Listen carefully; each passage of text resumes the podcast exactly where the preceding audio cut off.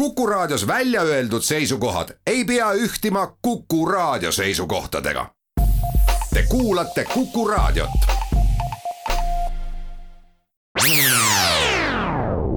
Restart.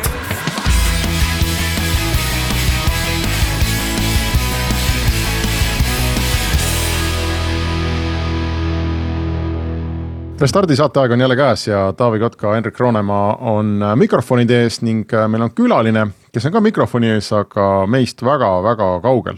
ja see väga kaugel tähendab Lõuna-Aafrika Vabariiki ja seal tegutseb selline väga tugevalt Eesti juurtega idufirma nagu Planet nelikümmend kaks ja selle kaasasutaja Erik Oja on meil tänane külaline, tere Erik. tere kuidas ilm on Lõuna-Aafrikas, meil siin äh, hetkel sadas, aga muidu on olnud kakskümmend viis kuni kolmkümmend kraadi sooja ja üsna, üsna soe. no siin on südatalv, nii et meil on ainult kakskümmend kraadi sooja aga siis, kui meil on jõulud, palju teil siis sooja on äh,? siis läheb kolmekümne peale ikka ära aeg-ajalt jah. seal tegelikult on Henrik päris meeldiv äh, ka talvel, noh, meie talvel nii-öelda, sellepärast et äh, ookean ümberringi ikkagi on külm ja, ja selles mõttes hoiab sellise parema temperatuuri ja ja väga hästi valmivad viinamarjad ja väga head veinid sellest, nii et. et tundub, et igati mõnus riik elamiseks äh,. kindlasti mitte äh,, see oligi minu esimene küsimus tegelikult Eerikule, et äh, et äh, enne kui me su startup'ist rääkima hakkame, et, et miks üldse Lõuna-Aafrika Vabariik, et seal on kohutav kuritegevus, et äh, mäletan, et meid hoiatati, et näiteks Johannesburgis üksi tänaval ei tohi olla, et varastatakse püksid jalast ära, eks, et äh, ma olen golfiväljakul näinud seal inimesi kolme automaadiga saatjatega, on ju, et äh, et äh, kuidas teil seal läinud on siiamaani? no ma olen kolm aastat siin elanud, ma ei ole kordagi tundnud ennast kuidagi nagu ohus olla, et rääkimata sellest, et, et midagi oleks varastatud või röövitud, et, et äh, ei, kuritegevus on muidugi kõrge, aga, aga noh, see on, ütleme nii, et kontsentreeritud teatud aladesse, kui sinna aladesse ei lähe, siis, siis on nagu okei okay,, et noh, kui sa laupäeva õhtul lähed, ma ei tea, keset ööd kuhugi äh, getosse, siis jah, noh, siis arvatavasti sul telefon võetakse ära. aga noh, siin lahendus on see, et ära mine getosse no kuigi me juba kuritegevuse jutu juurde jõudsime, et siis te olete valinud äh, ülikõrge kuritegevusega riigi jaoks äh, väga kohase tegutsemisvaldkonna, et te äh, liisite või äh, nii-öelda rendite inimestele autosid. mitu autot teil äh, päevas varastatakse um, päevas no päevas varastatakse null autot, kui, kui me statistiliselt võtame, et, et. nii kuus või aastas, kuhu me tõmbame selle äh,? no me oleme siiamaani ostnud peaaegu kaks tuhat autot ja, ja nendest äh, viis tükki on äh, nii-öelda varastatud umbes. jah, peaks viis, viis või kuus olema, aga nendest äh, peale ühe, kõik peale ühe või, või kahe on äh, selline juhtum, kus, kus äh, ütleme siis meie kliendi partner on selle auto äh, ära viinud kuhugi äh, pärast äh, tüli ehk siis, et see tegelikult ei ole varastamine, vaid lihtsalt äh, sihuke kodu, kodutüli, siis, siis me oleme seal aeg-ajalt pidanud lahendama selliseid asju. kui ma võtan teie ärimudeli, katsun ühe lausega kokku võtta või, või kahe lausega, siis see on see, et te annate, te ostate autosid ja rendite neid inimestele välja, te olete põhimõtteliselt nagu autoliising, aga mingil põhjusel väidetavalt isegi väga korralikult teenivad inimesed seal riigis ei saa pangast laenu, et osta ise autot, on see umbes nii? Te olete liisinguettevõte? no jah, ütleme juriidiliselt oleme rendiettevõte, aga jah, me tegeleme autode selles mõttes noh, finantseerimisega, et, et inimesed maksavad meile kuutasu ja me ostame auto neile aga räägi seda lugu, et kuidas üldse pihta hakkas ja kust see mõte üldse tuli ja, ja miks see riik just ja nii edasi, et äh, lähme algusesse mm. -hmm. minu kaasasutaja äh, Martin Orgna on see, ütleme see põhisüüdlane ja, ja, ja idee autor äh,. tema tegeles pikalt Aafrika investeeringute juhtimisega ühes investeerimispangas. ja, ja ta elas äh, Aafrikas Mosambiigis küll mõned aastad ja tegeles, noh, ühesõnaga ta on, ta on läbi vaadanud sadu ja sadu projekte, alates noh, kinnisvarast, finantsist, ähm, logistika, põllumajandus ja nii edasi.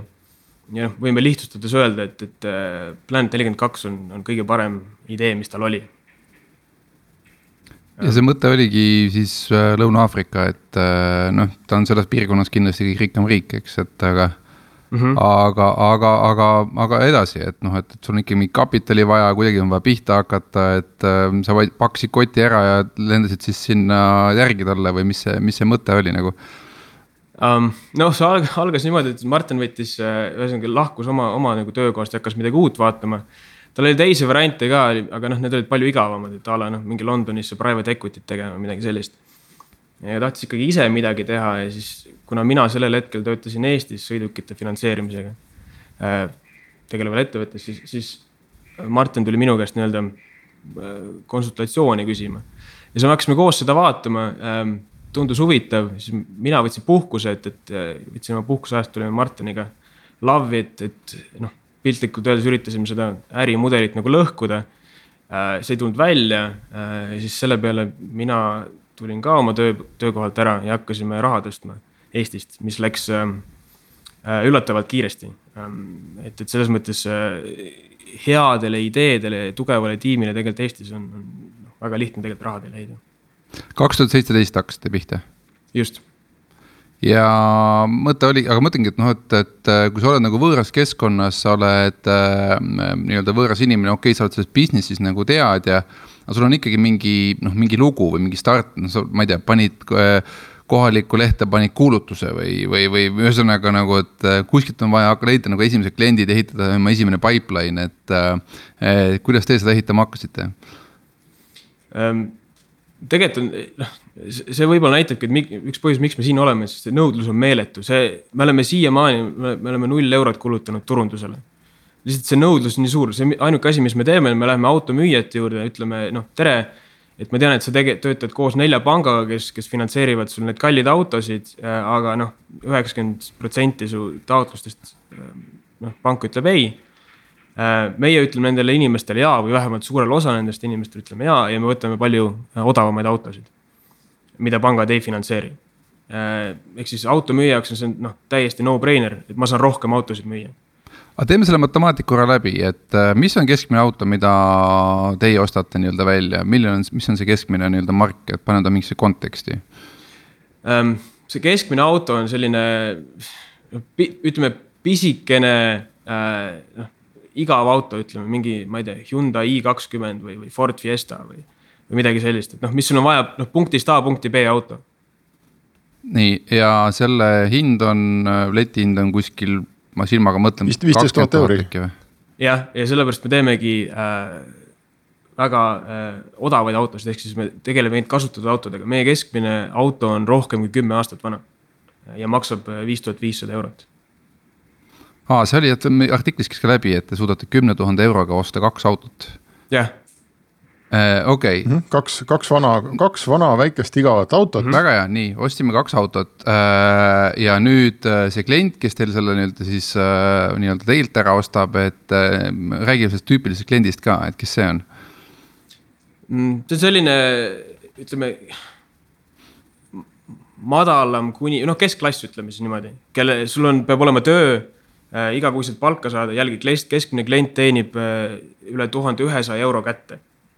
Ehk siis noh, see on tegelikult Eestis sa saad vabalt, saaksid auto, pank finantseerib sind ähm,. ongi, noh, sul on õpetajad, kaevurid, telekomi töötajad, politseinikud, et noh, sellised äh, inimesed, kes teenivad iga päev, iga kuu stabiilset palka aga kui teil on nii vähe autosid, selles mõttes, vabandust, ma nüüd vähe ütlen, kaks tuhat on mm -hmm. suur number, aga ütleme, kui sa jagad selle nagu äh, kolme aasta ja päevade peale ära, siis noh, mõnes mõttes kaks autot päevas umbes, et noh, et ei ole mingi tohutu koormus, no ütleme mingile meeskonnale. et eh, kas see siis on, ega sa esimest otsa, see, kus sa apelleerid sellele teie sellele eh, laenule või rendile, see, seda ei ole mõtet nagu automatiseeridagi, et seal on pigem nagu lased inimesel kontorisse tulla, vaatad talle otsa. et kuidas see KYC või taustakontroll üldse käib või kuidas te oma info kokku saate, et, et üldse on nagu mõttekas nagu autot välja, välja müüa no kõigepealt me oleme selle mudeli ehitanud niimoodi, et me ei näe ei kliente ega autot kordagi. ehk siis see, see automüüja esitab selle taotluse kliendi eest läbi meie portaali. me oleme ehitanud, nüüdseks on meil piisavad andmed ja me oleme suutnud ehitada enda automaatse skooringu algoritmi, mis siis tõmbab infot krediidibüroodest ja veel mõnest huvitavast kohast. ja ühe minutiga suudab siis anda esialgse vastuse, et, et kas on jah või ei. ja kui on jah ning klient on nii-öelda rahul selle pakkumisega, siis eh, noh, lähme nagu edasi, siis tuleb rohkem käsitööd, et hakata vaatama neid panga, eh, pangakonto väljavõtteid ja, ja dokumente ja nii edasi. aga mis see rate üldse on? kui pikk see protsess? Sorry, et mis see rate üldse on nagu, et äh, kui palju teile jah ütlete ja kui palju te ei ütlete, et kui pangad ütlevad üheksakümnele protsendile ei, siis teie ütlete ka ikkagi ei, aga, aga kui mitmele protsendile? Ja hetkel me ütleme pra-, praegune skooringu algoritm ütleb umbes äh, kuuskümmend viis protsenti ei. nüüd ütleme, et ideaalis me ütleks vähem ei, et me ütleme, kui me vaatame noh, jah, analüüsi järgi ütleme, algoritm tegelikult tahaks rohkem heaks kiita, et see riski-tulu suhe äh, oleks veel okei okay,, aga lihtsalt meil ei ole piisavalt raha, et osta nii palju autosid, kui me tahame osta ja sellepärast me oleme selle madalamaks pannud. Kas, ähm, kui pikk see protsess nüüd ostja jaoks on, et ta läheb sinna, valib oma Ford Fiesta välja, äh, nüüd läheb üks minut, et algoritm ütleks jah, et mis edasi saab? no kõige kiirem selline äh, klient jalutab sisse, kuni leping on allkirjastatud, on, on mingisugune kakskümmend minutit, midagi sellist. aga enamasti läheb mitu päeva aega, aga see on sellepärast, et ütleme, kas siis automüüja või, või klient on ise noh, see pudelikael, et ei too dokumente piisavalt kiiresti midagi sellist. nüüd äh, sellest hetkest, kui ta nüüd sisse tuleb sinna äh, automüüja juurde, kuni ta saab autoga ära sõita, see läheb, läheb, tavaliselt läheb kaks päeva vähemalt, sest et äh, me ei luba automüüjal seda autot äh, enne vabastada, kui, kui meie koostööpartner on sinna GPS trackeri peale pannud Mi. miks see vajalik on? Kusjuures see on huvitav, Eestis oleks niimoodi, et kui sa ütled, et kui autoliisingu firma ütleb sulle, ma panen su autole trackeri peale, siis on kohe suur sihuke noh, privaatsuse ütleme murekohad, mis mõttes mingi pank teab, et kus mu auto on. siis LAV-is on see teistpidi, võib-olla noh, suures osas selle, selle kuritegevuse pärast ka, et, et, et klient küsib sulle, et noh, et kas, kas selle, kas sa paned ise selle tracker'i peale või mina panen, eks ole, et. et, et ongi noh, see on tegelikult hästi suur äri siin ka, et, et nende autode monitoorimine, juhul kui on varastatud, siis, siis minnakse järgi ja nii edasi. aga noh, jällegi, et meil on reaalselt, minu arust on kaks autot on niimoodi, mis on niimoodi, et klient ütleb lihtsalt, auto on kadunud ja noh, mitte, et tema tüdruksõber varastas selle ära, vaid reaalselt on ära varastatud. ja mõlemad korrad on meie see teenusepakkuja need autod siis üsna kiirelt üles leidnud kui hästi äh, seal riigis on üles ehitatud see just inimese taustakontrolli pool, et ma, ma enam-vähem kujutan ette, et kui me hakkaks Eestis seda tegema, et noh, siis on äh, pankadel on mingi info ja ma ei tea, maksuametil on mingi info ja et kuskilt, eks ole, tulevad need kokku, et äh, kui, kuidas, kuidas seal riigis on? no jällegi, see on üks põhjus, miks me oleme LAV-is, et krediidiinfo on näiteks palju parema kvaliteediga kui Eestis. sest et Eestis sa saad ainult maksehäire kohta infot, ehk siis kui nagu asi on õhku lennanud, siis see jõuab kuhugi mingisse andmebaasi, aga kui sa oled äh, näiteks autoliisingut pakkunud ja sul kliendil on äh, noh, ma ei tea, kolmest pangast krediitkaardid, millega on kõik mingi kuus kuud viivises.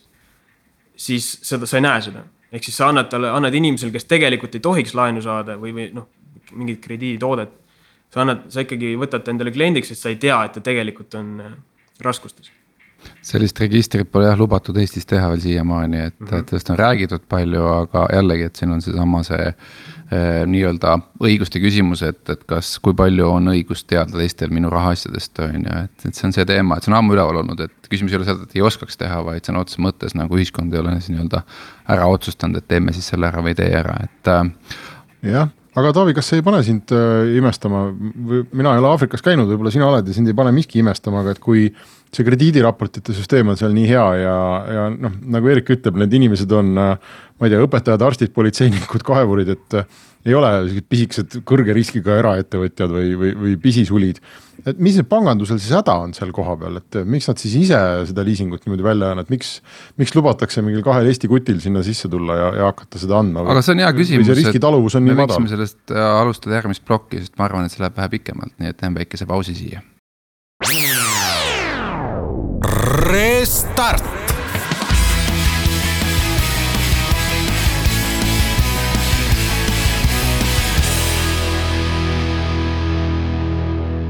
Restart jätkub ja meil on külas Lõuna-Aafrika Vabariigis tegutsev Eesti juurtega idufirma Planet nelikümmend kaks ja jääme pooleli selle koha peale, Erik, räägi, mis nendel kohalikel pankadel siis häda on, miks nad lubavad teil sinna turule niimoodi Eestist lennata? no kõige lihtsam on, kõige selgem selline põhjus on lihtsalt regulatsioon on, on ütleme keeruline ähm,. lisaks on äh, ühesõnaga väga-väga piirav on, et sa ei või tegelikult äh, noh, riskantsemaid kliente sa ei saagi nagu teenindada niimoodi, et sa raha teenid ja nad ei teeni raha sellepärast, et nad on noh, suured ja, ja kohmakad, eks ole, et see. noh äh,, ütleme, ma olen võrrelnud seda niimoodi, et, et kui sa käid nagu LAV-is ringi, siis sul jääb sihuke mulje, et. Et majandus pole mitte optimiseeritud sellele, et olla võimalikult efektiivne või, või ma ei tea, noh, võimalikult palju kasumit tuua, ta on. ta on lihtsalt, ta on optimiseeritud sellele, et, et maksimeerida töötajate äh, number ehk siis noh, ongi, et kui, kui mingi, ma ei tea, pangaautomaate hakatakse rohkem üles panema, siis, siis pangatellerite mingi assotsiatsioon või midagi hakkab, hakkab protestima, et, et meil võetakse tööd ära ja nii edasi see on jah hästi levinud äh, sellistes riikides, kus on noh, ongi nagu nii-öelda poolsotsialistlikud riigid, kus äh, ikkagi töötaja ruulib, et äh, nad saavad nõuda, noh, neil on päris korralik võim nagu, kui äh, nagu valimistel ja, ja noh, samasugust populismi näed sa Lõuna-Ameerikas hästi palju, eks et äh, aga räägi veel äh, natukene suurest pildist, see annab ka vastuse, ma arvan, Henriku küsimusele. mis teie marginaalid on, mis on intress üldse, mida need kliendid maksavad? No meil ei ole otseselt, kuna tegu on renditootega, siis sellest noh, intressi kui sellist ei ole, et meie kliendid ei maksa meile põhiosaga intressi ja nii edasi. aga noh, me oleme jätkuvalt, ütleme võrreldes pankadega vähemalt kolm korda kallimad. Ähm, kui me võtame sedasama selle keskmise auto, siis äh, me ostame selle auto viie tuhande viiesaja euro eest sinna otsa me paneme kaskokindlustuse, mida me maksame ise. mis on üsna kallis. Äh, seesama tracker'i, millest me rääkisime äh, ja samuti selline asi nagu mehaaniline kindlustus, mida Eestis ei ole äh, minu teada. aga ühesõnaga, kui su käigukast õhku lendab või midagi, siis kindlustus maksab selle kinni. ja nagu noh, muud sellised teenused ja, ja klient maksab meile siis kogu selle rendi, ühe rendimaksena umbes nelisada eurot kuus ehk siis, kui sa arvutad. aastaga tasub ära. kuidas? aastaga tasub ära. Jah, no läheb veidi no,, veidi nagu roh-, veidi rohkem kui aastaga, neil on need teised seal kulud ka, eks ole, aga jah, et, et äh, noh, jällegi teenus on, teenus on kallis, et me oleme samamoodi oma automüüjatele öelnud ka, et, et kui su klient suudab, kui su klient kvalifitseerub panga äh, finantseeringu jaoks, siis ta peaks võtma panga finantseeringu, me oleme kallimad, me, me ei ole siin, et pankadega konkureerida. Me oleme noh, ühesõnaga meil on lihtsam tegutseda sellel turul, kus kedagi teist ei ole. Aga see on ju päris crazy tegelikult, kui sa ütled, et sul äh, inimene teenib kätte tuhat ükssada eurot ja nelisada eurot sellest maksab ta oma Ford Fiesta eest mm -hmm.. see ei ole ju normaalne. või seal riigis on see normaalne või? no ütleme, see vahe on nüüd selles, et kui see Eestis on niimoodi, et autode finantseerimine tähendab seda, et ütleme, panga liising või ütleme, liisinguteenus võimaldab sul saada uhkem auto, kui sul muidu oleks noh, lihtsustades, eks ole. siis siin on see, et, et meie kliendi teine variant on mitte omada autot ja kui sa oled riigis, kus ühistransport on noh ähm, ebaefektiivne, ebausaldusväärne ja noh, ohtlik ausalt öeldes. siis see, et kui sul on auto, see tähendab, et sa saad reaalselt tööle minna usaldusväärselt, sa saad selle raha teenida. et kui sa ütled, noh, et kas, kas oleks mõistlik maksta nelikümmend protsenti oma palgast selleks, et sul auto on, siis noh kui sul teine variant on see, et okei okay,, ma pean bussiga tööle minema natuke kauem aega, siis see ei tundu mõistlik. Aga kui sa ei saa tööle minna ilma selle autota, see auto, kus sa teenid seda raha, võimaldab seda raha teenida, siis ta muutub, muutub selles mõttes sundkuluks, ta ei ole nagu noh, sund, eesti keeles kõlab see halvasti, see on non-discretionary spending ehk siis noh, see, see on samamoodi, ta on pigem nagu su, ma ei tea, nagu korteri üür, mitte nagu kinopilet, eks ole ja selles mõttes sa pead arvestama. jah, no tegelikult see vist kehtib Eestis ka on ju, et noh ega Eesti keskmised palgad on ka sinnasamasse ju auku ja, ja inimesed lähevad, ma ei tea, mis on äh, mingi sellise uue väikeauto liisingmakse, aga noh, paar ma ei tea, kakssada, kakssada viiskümmend eurot kuus ikka, pluss igasugused huvitavad kulud tulevad sinna peale, ka Eestis. Siin on üks hästi väike parandus on vaja ära teha. Äh, Eerik räägib keskmisest kliendist Äh, sina räägid keskmisest palgast, need on kaks erinevat asja, et. Äh, et Lavi keskmine palk on ikkagi oluliselt allpool nagu Eestiga võrreldes ja selles mõttes, kui sa nüüd mõtled nagu üldse kulubaasi peale, mis ütleme ühel perel kulub, siis äh,. nii toidu kui elamus, ela, eluaseme kui kütte peale kulub kindlasti Lavis nagu vähem kui, kui see, mis meil Eesti vaja maksta on, on ju. Äh, jaa, okei okay., aga ma saan aru, et teil läheb hoolimata sellest, et see kõik tundub meile siit vaadates natuke ebamõistlik, läheb äh, ikkagi ettevõtetele hästi, et järjekord on ukse taga ja inimesed äh, tahaks veel rohkem osta, aga nagu sa ütlesid, et teil endal ei ole siis piisavalt raha, et neid Ford Fiestasid osta. aga see kõlab meie... nagu, anna ainult peale nagu, et või valage peale ja, ja, ja muudkui tuleb. no ja eks me, eks me teeme oma parimat tööd, aga noh, jällegi, et, et enamus ütleme, investorid vaatavad seda asja samamoodi, et mis asja, et mingi kaks Eesti kutti Aafrikas lolliks olete läinud. Äh, et ühesõnaga läheb natuke aega, et, et saada nagu need, need nagu rahakotirauad nii-öelda lahti ja tegelikult ongi tegelikult siiamaani, nüüd kui me selle viimase raundi nagu äh, äh selle nagu avaldasime, siis see oli esimene institutsionaalne investor tuli peale, oli Change Ventures aga sinnamaani kolm aastat peaaegu oleme kasvanud väikeinvestorite toel, ehk siis noh, ongi alates meie enda noh, perekond, oma network ja terve hulk äh, Eesti ähm, startup founder eid, äh, kes, kes on ka meil äh, nii laenu kui, kui siis omakapitaliga nüüd toeks olnud.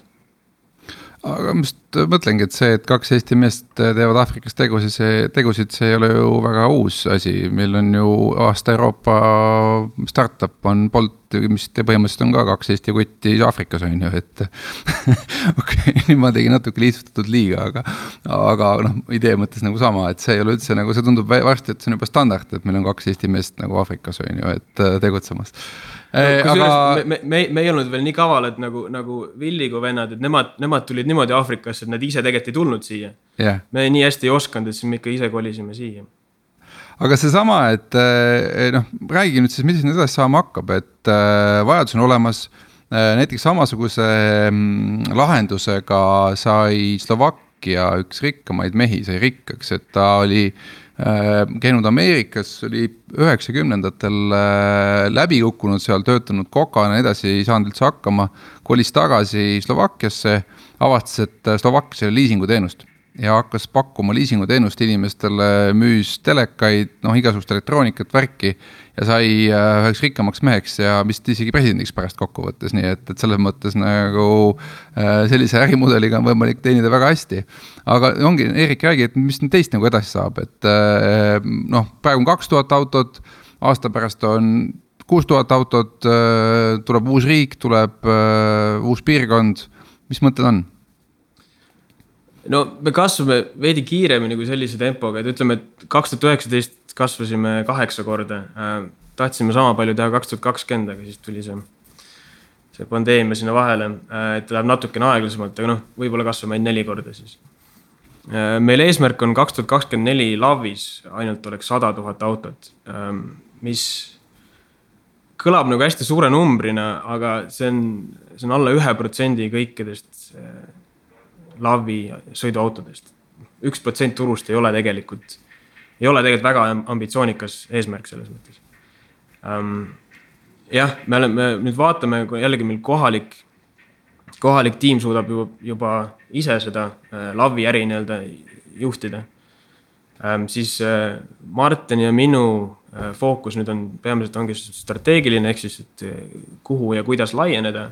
ja loomulikult raha tõstmine, mis on siis see kõige, kõige nagu keerulisem osa et. aga see ongi teil nagu praegu pea, peamine takistus, et äh, sinna saja tuhandeni jõudmiseks, et oleks ainult seda raha, mille eest neid autosid osta. no põhimõtteliselt küll jah ähm,. aga see on, ei ole kui... väike number ju, sada tuhat autot on viissada miljonit Äh, ja, aga me oleme, ühesõnaga sinna jõuda, siis on see, et me pidevalt töötame sellega, et oma teenust odavamaks muuta.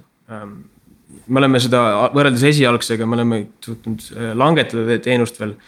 Aga nüüd äh, loodame, et paari kuu pärast saame teada anda ka sellest, et oleme laenukapitali suures, suures osas kaasanud, mis võimaldab meil kõik olemasolevad laenud refinantseerida odavamaks ja, ja me saame osa sellest, ütleme säästust siis ka klientidele edasi anda selle näol, et teenuse hinda odavamaks teha Ähm, sada tuhat autot. miljonit sa ei tõsta, viitesadat miljonit sa ikkagi ju ei, ei tõsta noh, Eesti startup äh, kogukonna poolt, kes otsib võib-olla kohta, kuhu, kuhu oma äh, teenitud rahakest natukene tulu, nagu tulemuslikult paigutada, et see, see peab olema mingi täitsa muu skeem ju. ja, ja äh, ühesõnaga meil on, ütleme see, et mm, kuna me ostame need autod endale, siis me tegelikult, meil on nagu natuke raskem kasvada, et kui sa teed mingit äppi, eks ole, siis sul ei ole mingit probleemi tegelikult, kui see on populaarne, sa saad ühe kuuga kümme korda kasvada meil ei ole see võimalik, sest me peame need autod nagu ostma ise, eks ole, aga teistpidi on see see, et, et meil on reaalsed ähm, varad, mis on huvitavad ka laenuandjatele, ka traditsioonilistele laenuandjatele, mitte ainult venture debt, vaid ongi noh, laenufondid ja, ja lõpuks ka pangad, eks ole. kuna äh, noh, kasutatud autod küll ei ole nii hea kui, ma ei tea, Tallinna kesklinna kontor, aga või, või korter, aga, aga samas on nagu noh, saab ikkagi tagatisena võtta seda, ehk siis meie kaasame äh, väga suures osas äh, laenuraha, et ma võin näiteks öelda seda, et kui me tõstsime oma Ingli raundi, siis see oli pool miljonit eurot. Ja selle najal me tõstsime viis miljonit eurot laenu otsa, ehk siis nagu üks kümnele selline suhe. Äh, et no ma ei tea, kas me päris nii, nii hullu suhet saame edasi, edasi ka teha, aga me kindlasti proovime aga selles mõttes siis äh, ma saan aru, et osad investorid tulid ka nagu laenajatena sisse, et siis äh, selle kalli intressi siis vahetatigi välja, et põhimõtteliselt ostate eestlased välja mingil määral. me ostame jah, selle ütleme noh, jällegi nüüd läheb võib-olla natuke rohkem tehnilisemaks, aga meil on tagatud laen ja on ka ta, tagatiseta või see allutatud laen. et allutatud laenuga me oleme võtnud oleme võtnud siiani ja võtame ka edaspidi sisse, et me tegelikult räägime oma investoritele pigem on see, et me tahame konverteerida seda, ütleme raha siis. et, et, et hoida nagu edasi seda kõrget intressi, aga nüüd on allutatud laen, sest kuna et, noh, ettevõtte riskid on langenud, nii edasi, suur institutsionaalne investor tuli sisse ja refinantseeris, eks ole, poole odavamaks. Ehm, et noh, see jällegi näitab, et ettevõte on uuele tasemele jõudnud aga ikkagi, mis peaks selleks juhtuma, et oma saja tuhande autoni äh, jõuate? et mis see, mis see roadmap nagu on, et kelle käest äh, seda raha minna küsima, ongi suured pangad, suured fondid või, või mis see plaan on? jah, äh, noh, ütleme nüüd on äh, VC on, eks ole, sisse tulnud institutsionaalne investor. järgmine samm on see, et laenuinvestor tuleb sisse suur, sealt edasi noh, võib-olla veel jah, mingisugune laenuraund veel. aga siis on juba järgmine omakapitali raund. ja siis see omakorda jällegi on rohkem omakapitalist, saad jällegi rohkem laenu võtta nendes, et see läheb sellise, sellise ringina, aga noh, põhimõtteliselt me peame kogu aeg äh, kümme korda suuremaks äh, minema kas see, et te tegutsete Aafrikas, on, äh, on selline suure raha kaasamisel, ma ei tea, pigem pluss või pigem miinus, et kas küsitakse, et mis asja, et ma pean need miljonid kuhugi Aafrikasse matma, et mis te üldse teete seal või, või just öeldakse, et oh, Aafrika äge, et see on arenev värk ja andke minna. nojah, see oleneb kellegi käest küsida, et kui sa lähed, ma ei tea, Swedbanki juurde, et kuulge, andke meile raha Aafrikasse, siis noh, see on ei lihtsalt selgelt. Äh, aga on terve rida investoreid, kes äh, vaatavadki just neid arenevaid riike ja, ja, ja ütleme, on ka neid, ütleme siis sotsiaalse mõju ähm,, selline social impact investorid äh, nii omakapitali kui laenu osas, kes vaatavadki selliseid ettevõtteid, kes noh, noh, ongi konkreetselt, kui meie teenus, ilma meie teenuseta poleks meie klientidel autot äh,. ja noh, on selge, et kui vajalik on auto omamine. ehk siis meie äh, võtame siis sellest süsteemist sellist, ütleme kuidagi friction'it välja, me teeme, teeme lihtsamaks lihtsalt inimeste elu, võimaldame neil rohkem ringi liikuda ja nii edasi. et see on, see on oluline sotsiaalne mõju ja, ja see on huvitav ka paljudele investoritele jah, kindlasti mitte Swedbankale, kes on ära defineerinud ennast kui igav keskmine Rootsi pank, kes jumala eest ühegi innovatsiooniga kunagi kaasa ei taha tulla, nagu me ka Eestis seda väga hästi näeme, eks, et äh,. aga lähme siit oma teisele pausile. Restart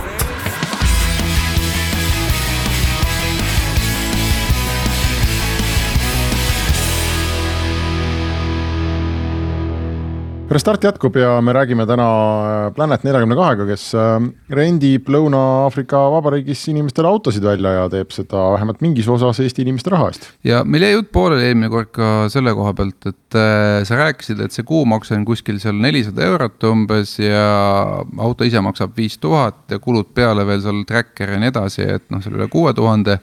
et noh, kui sa lihtsa matemaatika teed, siis noh, tõenäoliselt te oma kuludega nulli olete jõudnud umbes pooleteist aastaga või noh, ütleme give or take seal siia-sinna natukene.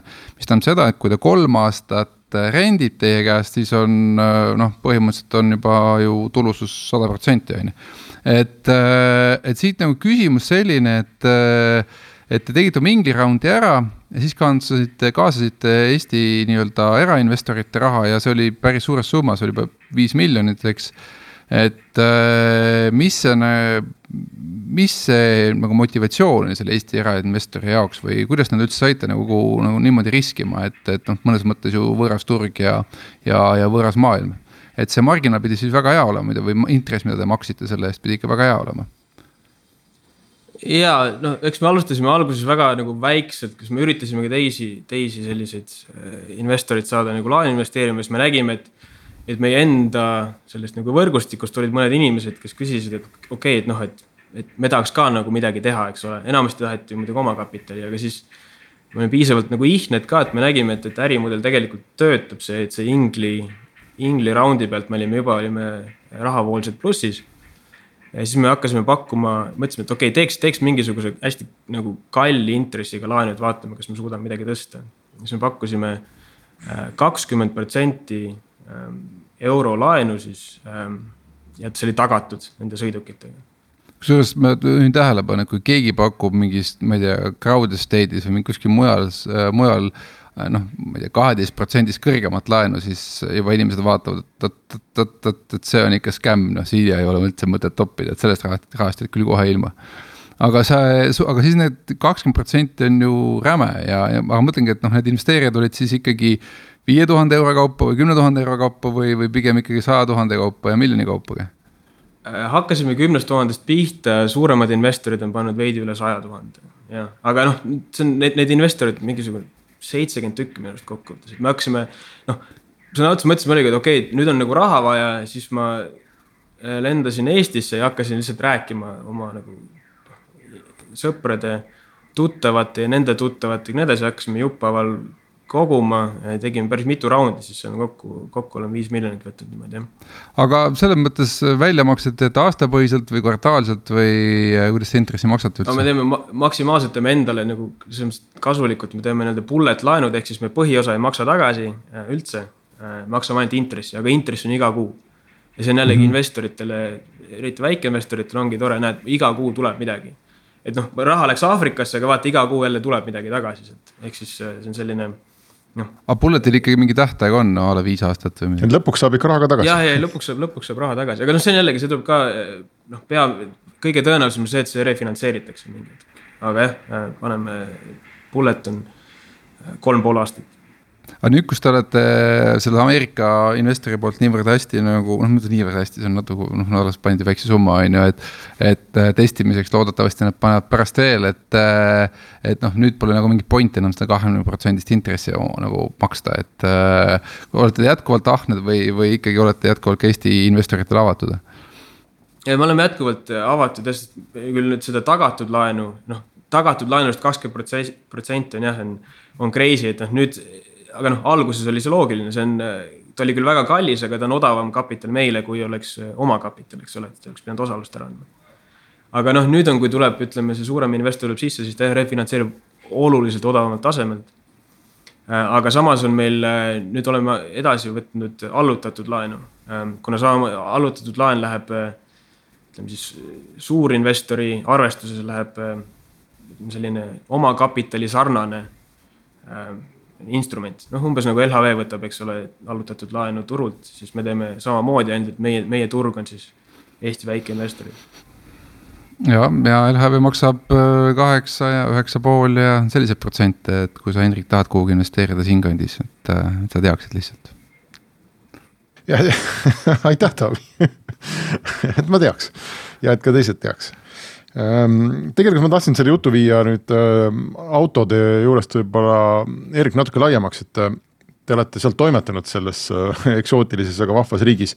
kui sa seal ringi vaatad ja kui meie saadet kuulavad Eesti startup'erid, et meil on nende noh, välisturgude selline tavavalik Eesti asutaja jaoks on, on noh, ühe käe sõrmedel, eks ole, et Läti ja Soome üle me siin Taaviga hakkame nalja tegema saates, et see nagu ei sobi võib-olla hästi, et noh, siis on London, äh, mingid riismed on Saksamaa, noh, mõned räägivad USA-st, aga see on kaugel ja keeruline ja täitsa teine jurisdiktsioon, aga noh, selline nagu äh,, nagu lubatud maa või tõotatud maa mõnes mõttes. kas tegelikult peaks lendama lõuna poole, lendamagi samas ajavööndis nii kaugele lõunasse, kui saab, maanduma seal sinu juures ja ütlema, Eerik, kuhu ma saaks oma startup'iga siin riigis minna, tundub, et kõik on tühi kusjuures kirjutatakse juba mulle ka, et me oleme täitsa, me oleme veidi, veidi meedias ka olnud, siis ongi Eesti startup'erid kirjutanud, okei okay,, et noh, et kuule, ma ei tea, ma kuulsin, et suur turg ja nii edasi, et räägime ühte, ma alati olen äh, LinkedInis või keegi, siis ma olen alati nagu selle kõne teinud, sest et noh, ma tõesti, ma olen selles mõttes. Äh, noh, ma ei ole muidugi objektiivne, minu arust peaks kõik Aafrikas olema,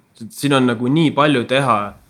Ähm, ja turg on nii palju suurem, et noh, ongi, kui sa Eestis, okei okay,, sihid ühte protsenti turust, siis Eestis sul on mingi, ma ei tea, kuus tuhat, seitse tuhat autot siin on sada tuhat. et see skaala on täiesti teine, et kui sa, kui sa Eestis teed midagi väga-väga-väga hästi, siis lihtsalt turg jääb ikkagi ette, sul on see klaaslagi seal.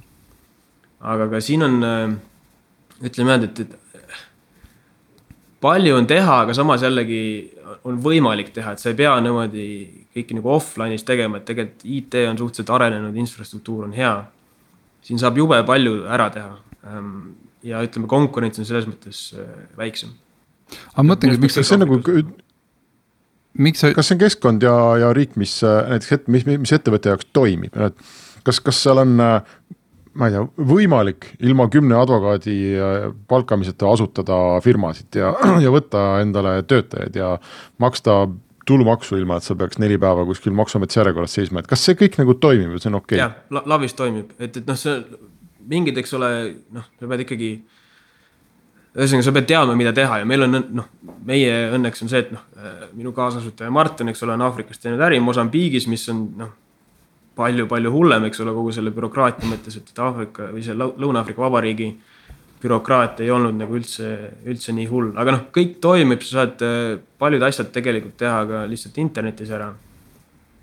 ja ütleme noh, alati üsna küst-, investorid küsivad üsna tihti, et okei okay,, et noh, kuidas see olukord on selle noh, korruptsiooniga ja nii edasi, siis me saame alati öelda, et mitte keegi pole kunagi meilt äh, küsinud ega me pole kunagi pidanud maksma kellelegi mitte midagi. me saame täitsa edukalt. veel, te olete nii väiksed veel, keegi pole teid tähele pannud. no siin ütleme, et korruptsioon on sellistes äh, nagu keerulistemas või suurt, suurtes sellistes traditsioonilistes äh, sektorites nagu kaevandus või midagi sellist. me teeme IT-d, meid pole isegi näha kusagil, et, et meil noh, me jällegi me isegi ei tee turundust niimoodi, et ainult meie automüüjad teavad, kes me oleme et mulle ikkagi alati tuleb meelde selle Lõuna-Aafrikaga tohutult kihvt lugu, äh, mida meile rääkis seal kohalik ärimees, et äh, et, äh, et hästi palju sisserännet tuleb põhja poolt, noh a la Botswanast ja, ja, ja, ja Zimbabwest ja. ja selleks, et sealt nii-öelda üle piiri tulla, et selleks on vaja üle minna üle selle savanni. ja savannis on lõvid ja siis seal vaesemates riikides pidi tohutu äri olema, et müüakse nähtamatuse pulbrit. Et äh, ja õudselt hästi pidi töötama, et väga hästi läheb peale, sellepärast et kui ikkagi jõuab nagu elusalt äh, Lõuna-Aafrikasse, siis pulber toimis ja kui ei jõua ja lõvi sööb ära, eks, et siis keegi niikuinii teada ei saa. siis keegi ka ei räägi et, et see pidi väga diil olema. aga noh, me ei tohi niimoodi siin nöökida, et äh, aga, aga ma küsin veel, Eerik, et okei okay,, praegu on autod, on ju, aga kui sa vaatad näiteks äh, Kesk-Ameerikat või Lõuna-Ameerikat, siis äh, igal korralikul keskameeriklasel peab olema auto ja suur plasmatelekas, on ju, et okei okay,, plasmatelekad enam ei ole, et on meil siin juba muud marki äh, tulemideks, et äh, kas see järgmine business on siis äh, sinna või, või, või jääte ikkagi ainult autode peale? või ainult Aafrika peale? me ei jää ainult Aafrika peale, ei jää ainult autode peale, et ütleme, et noh, loogiliselt ütleme neid turge, mis me vaatame, siis ütleme, hakkame kõigepealt siis geograafiliselt pihta. Aafrikas, noh, me vaatame suuri turge, et ei ole mõtet minna pisikesele, ma ei tea, noh, ma ei tea, Mosambiiki, midagi sellist, seal lihtsalt ei ole nii palju autosid, nii palju inimesi ähm,. Nigeeria? jah, Nigeerias, me olime kusjuures täpselt enne koroonat niimoodi, et, et äh, märtsis olime seal äh,. tegime nii-öelda seda scouting trip'i, et, et vaadata, mis seal on, et see oli sihuke tore, aga noh, see oleks kindlasti. seal pole autotoode, ei ole loogiline, sa peaks tsiklitega midagi tegema. sama lugu on äh, Kagu-Aasias, et, et Indoneesia, Filipiinid ja nii edasi, seal pigem sa peaks tegema mingisugust tsiklitoodet ähm,. jah, Ladina-Ameerika on ka huvitav tõenäoliselt seal on autod paremad, me ei ole nagu nii täpsemalt seda, seda veel äh, uurinud, aga noh, tegelikult sa saad teha noh, väga palju asju sinna juurde, sa oled mingisugune, ma ei tea, kui sul on viiskümmend tuhat autot, sa võid näiteks, ma ei tea, kohaliku Circle K-ga minna kokku leppida, et kuule, ma ostan sult, ma ei tea, mingi miljon liitrit kuus, eks ole. anna mulle odavamalt, äh, ma annan mingi kaardi oma, oma klientidele, eks ole, ja siis saad sealt nagu teenida liha, lisa vahelt. Äh, võid teha jah, täiesti ütleme nagu tarbimislaenusid mingeid nagu selle plasmateleri ostmiseks ja nii edasi, tegelikult nagu piiranguid ei ole, hästi palju saab teha. aga me ikkagi näeme hetkel, mis meie nagu see põhiline fookus on, mida me ei taha ära kaotada, on ikkagi see, kuidas öelda, et siis selle mobiilsuse demokratiseerimine. näeme, et see on kõige suurem probleem, et kõige nagu madalavam, madalamal asuv, asuv vili, mida me saame nagu võtta aga mis selles äh, mängus, kui sa räägid siin juba Kagu-Aasiast ja, ja ma ei tea, Filipiinidest, mis see teie selline konkurentsieelis on, et noh, olles lugenud äh, tehnoloogia uudiseid, et te ei ole ju esimesed inimesed ega kaugeltki ainsad inimesed maailmas, kes on tulnud mõttele, et äh, kaasaks kuidagi tehnoloogiat ja annaks äh, laenu inimestele, kes muidu ei saa. puhtalt, mida te teete teistmoodi? puhtalt teostus, see on kuluefektiivsus, samamoodi nagu miks Bolt on nii edukas. Bolt ei tee mingit suurt lugu, et vaata, et noh, me oleme mingi super nii erilised ja, ja meil on kõige parem tehnoloogia, me lihtsalt teeme kõike kõik, kõige efektiivsemalt. et noh, ma ei tea, Taavi, kas sa tead, et, et mis, mis pank on Henriku auto finantseerinud? Mina tean muidu. okei okay,, no üldiselt vahet ei ole, eks ole, või see, see, et, see on, kas see on SEB või Swedbank, see ei muuda mitte midagi minu jaoks, sa tahad, et see toode oleks odav ja ta oleks kättesaadav. ja sellepärast ongi, et meil on, mida efektiivsemalt me saame teha, seda parem, sest lõpuks hetkel me oleme nagu ainsad siin selle turu peal, aga kindlasti tulevad konkurendid. ja kas see efektiivsus tuleneb siis äh, millest, eestlase talupojatarkusest? jah, osaliselt, aga tuleb ka Eesti tehnoloogiast mida me kusjuures pole ise, ise arendanud, siiamaani me oleme kasvatanud äh, teenusepakkujaid. mingi hetk see võib muutuda, kui, kui on, kui on nagu loogiline hakata enda tehnoloogiat tegema ja nii edasi. Äh, see on. See, kuidas see oleneb, kuidas sa pusle kokku paned, et, et võimalikult efektiivne oleks sellest me võime eraldi saate teha, Hendrik, et sa ei kujuta ette, kui ebaefektiivne on muu maailm, et äh, kuna mul on praegu võimalik Indias toimetada, siis see pilt, mis seal toimub, noh, endal on ka piinlik, et äh, et millise overhead'iga oled sunnitud tegelema kogu aeg ja, ja milline overhead sa ise tihti oled, on ju, et äh, täitsa lihtsatele asjadele, eks, et äh, et selle aga nagu Eerik ütles, kui miljard inimest tahavad tööd, siis võib-olla see küsimus, et mis on efektiivne, on noh. ta on teistsugune. teistsugune kui, kui ta Eestis. aga meie saateaeg muide on läbi, siin ei ole küll midagi vaielda, et, et äh, tänane saade on, sai selline, aitäh, Erik ja ilusat talve jätku, Lõuna-Aafrika Vabariik aitäh. ja kohtumiseni Restardi saates Restart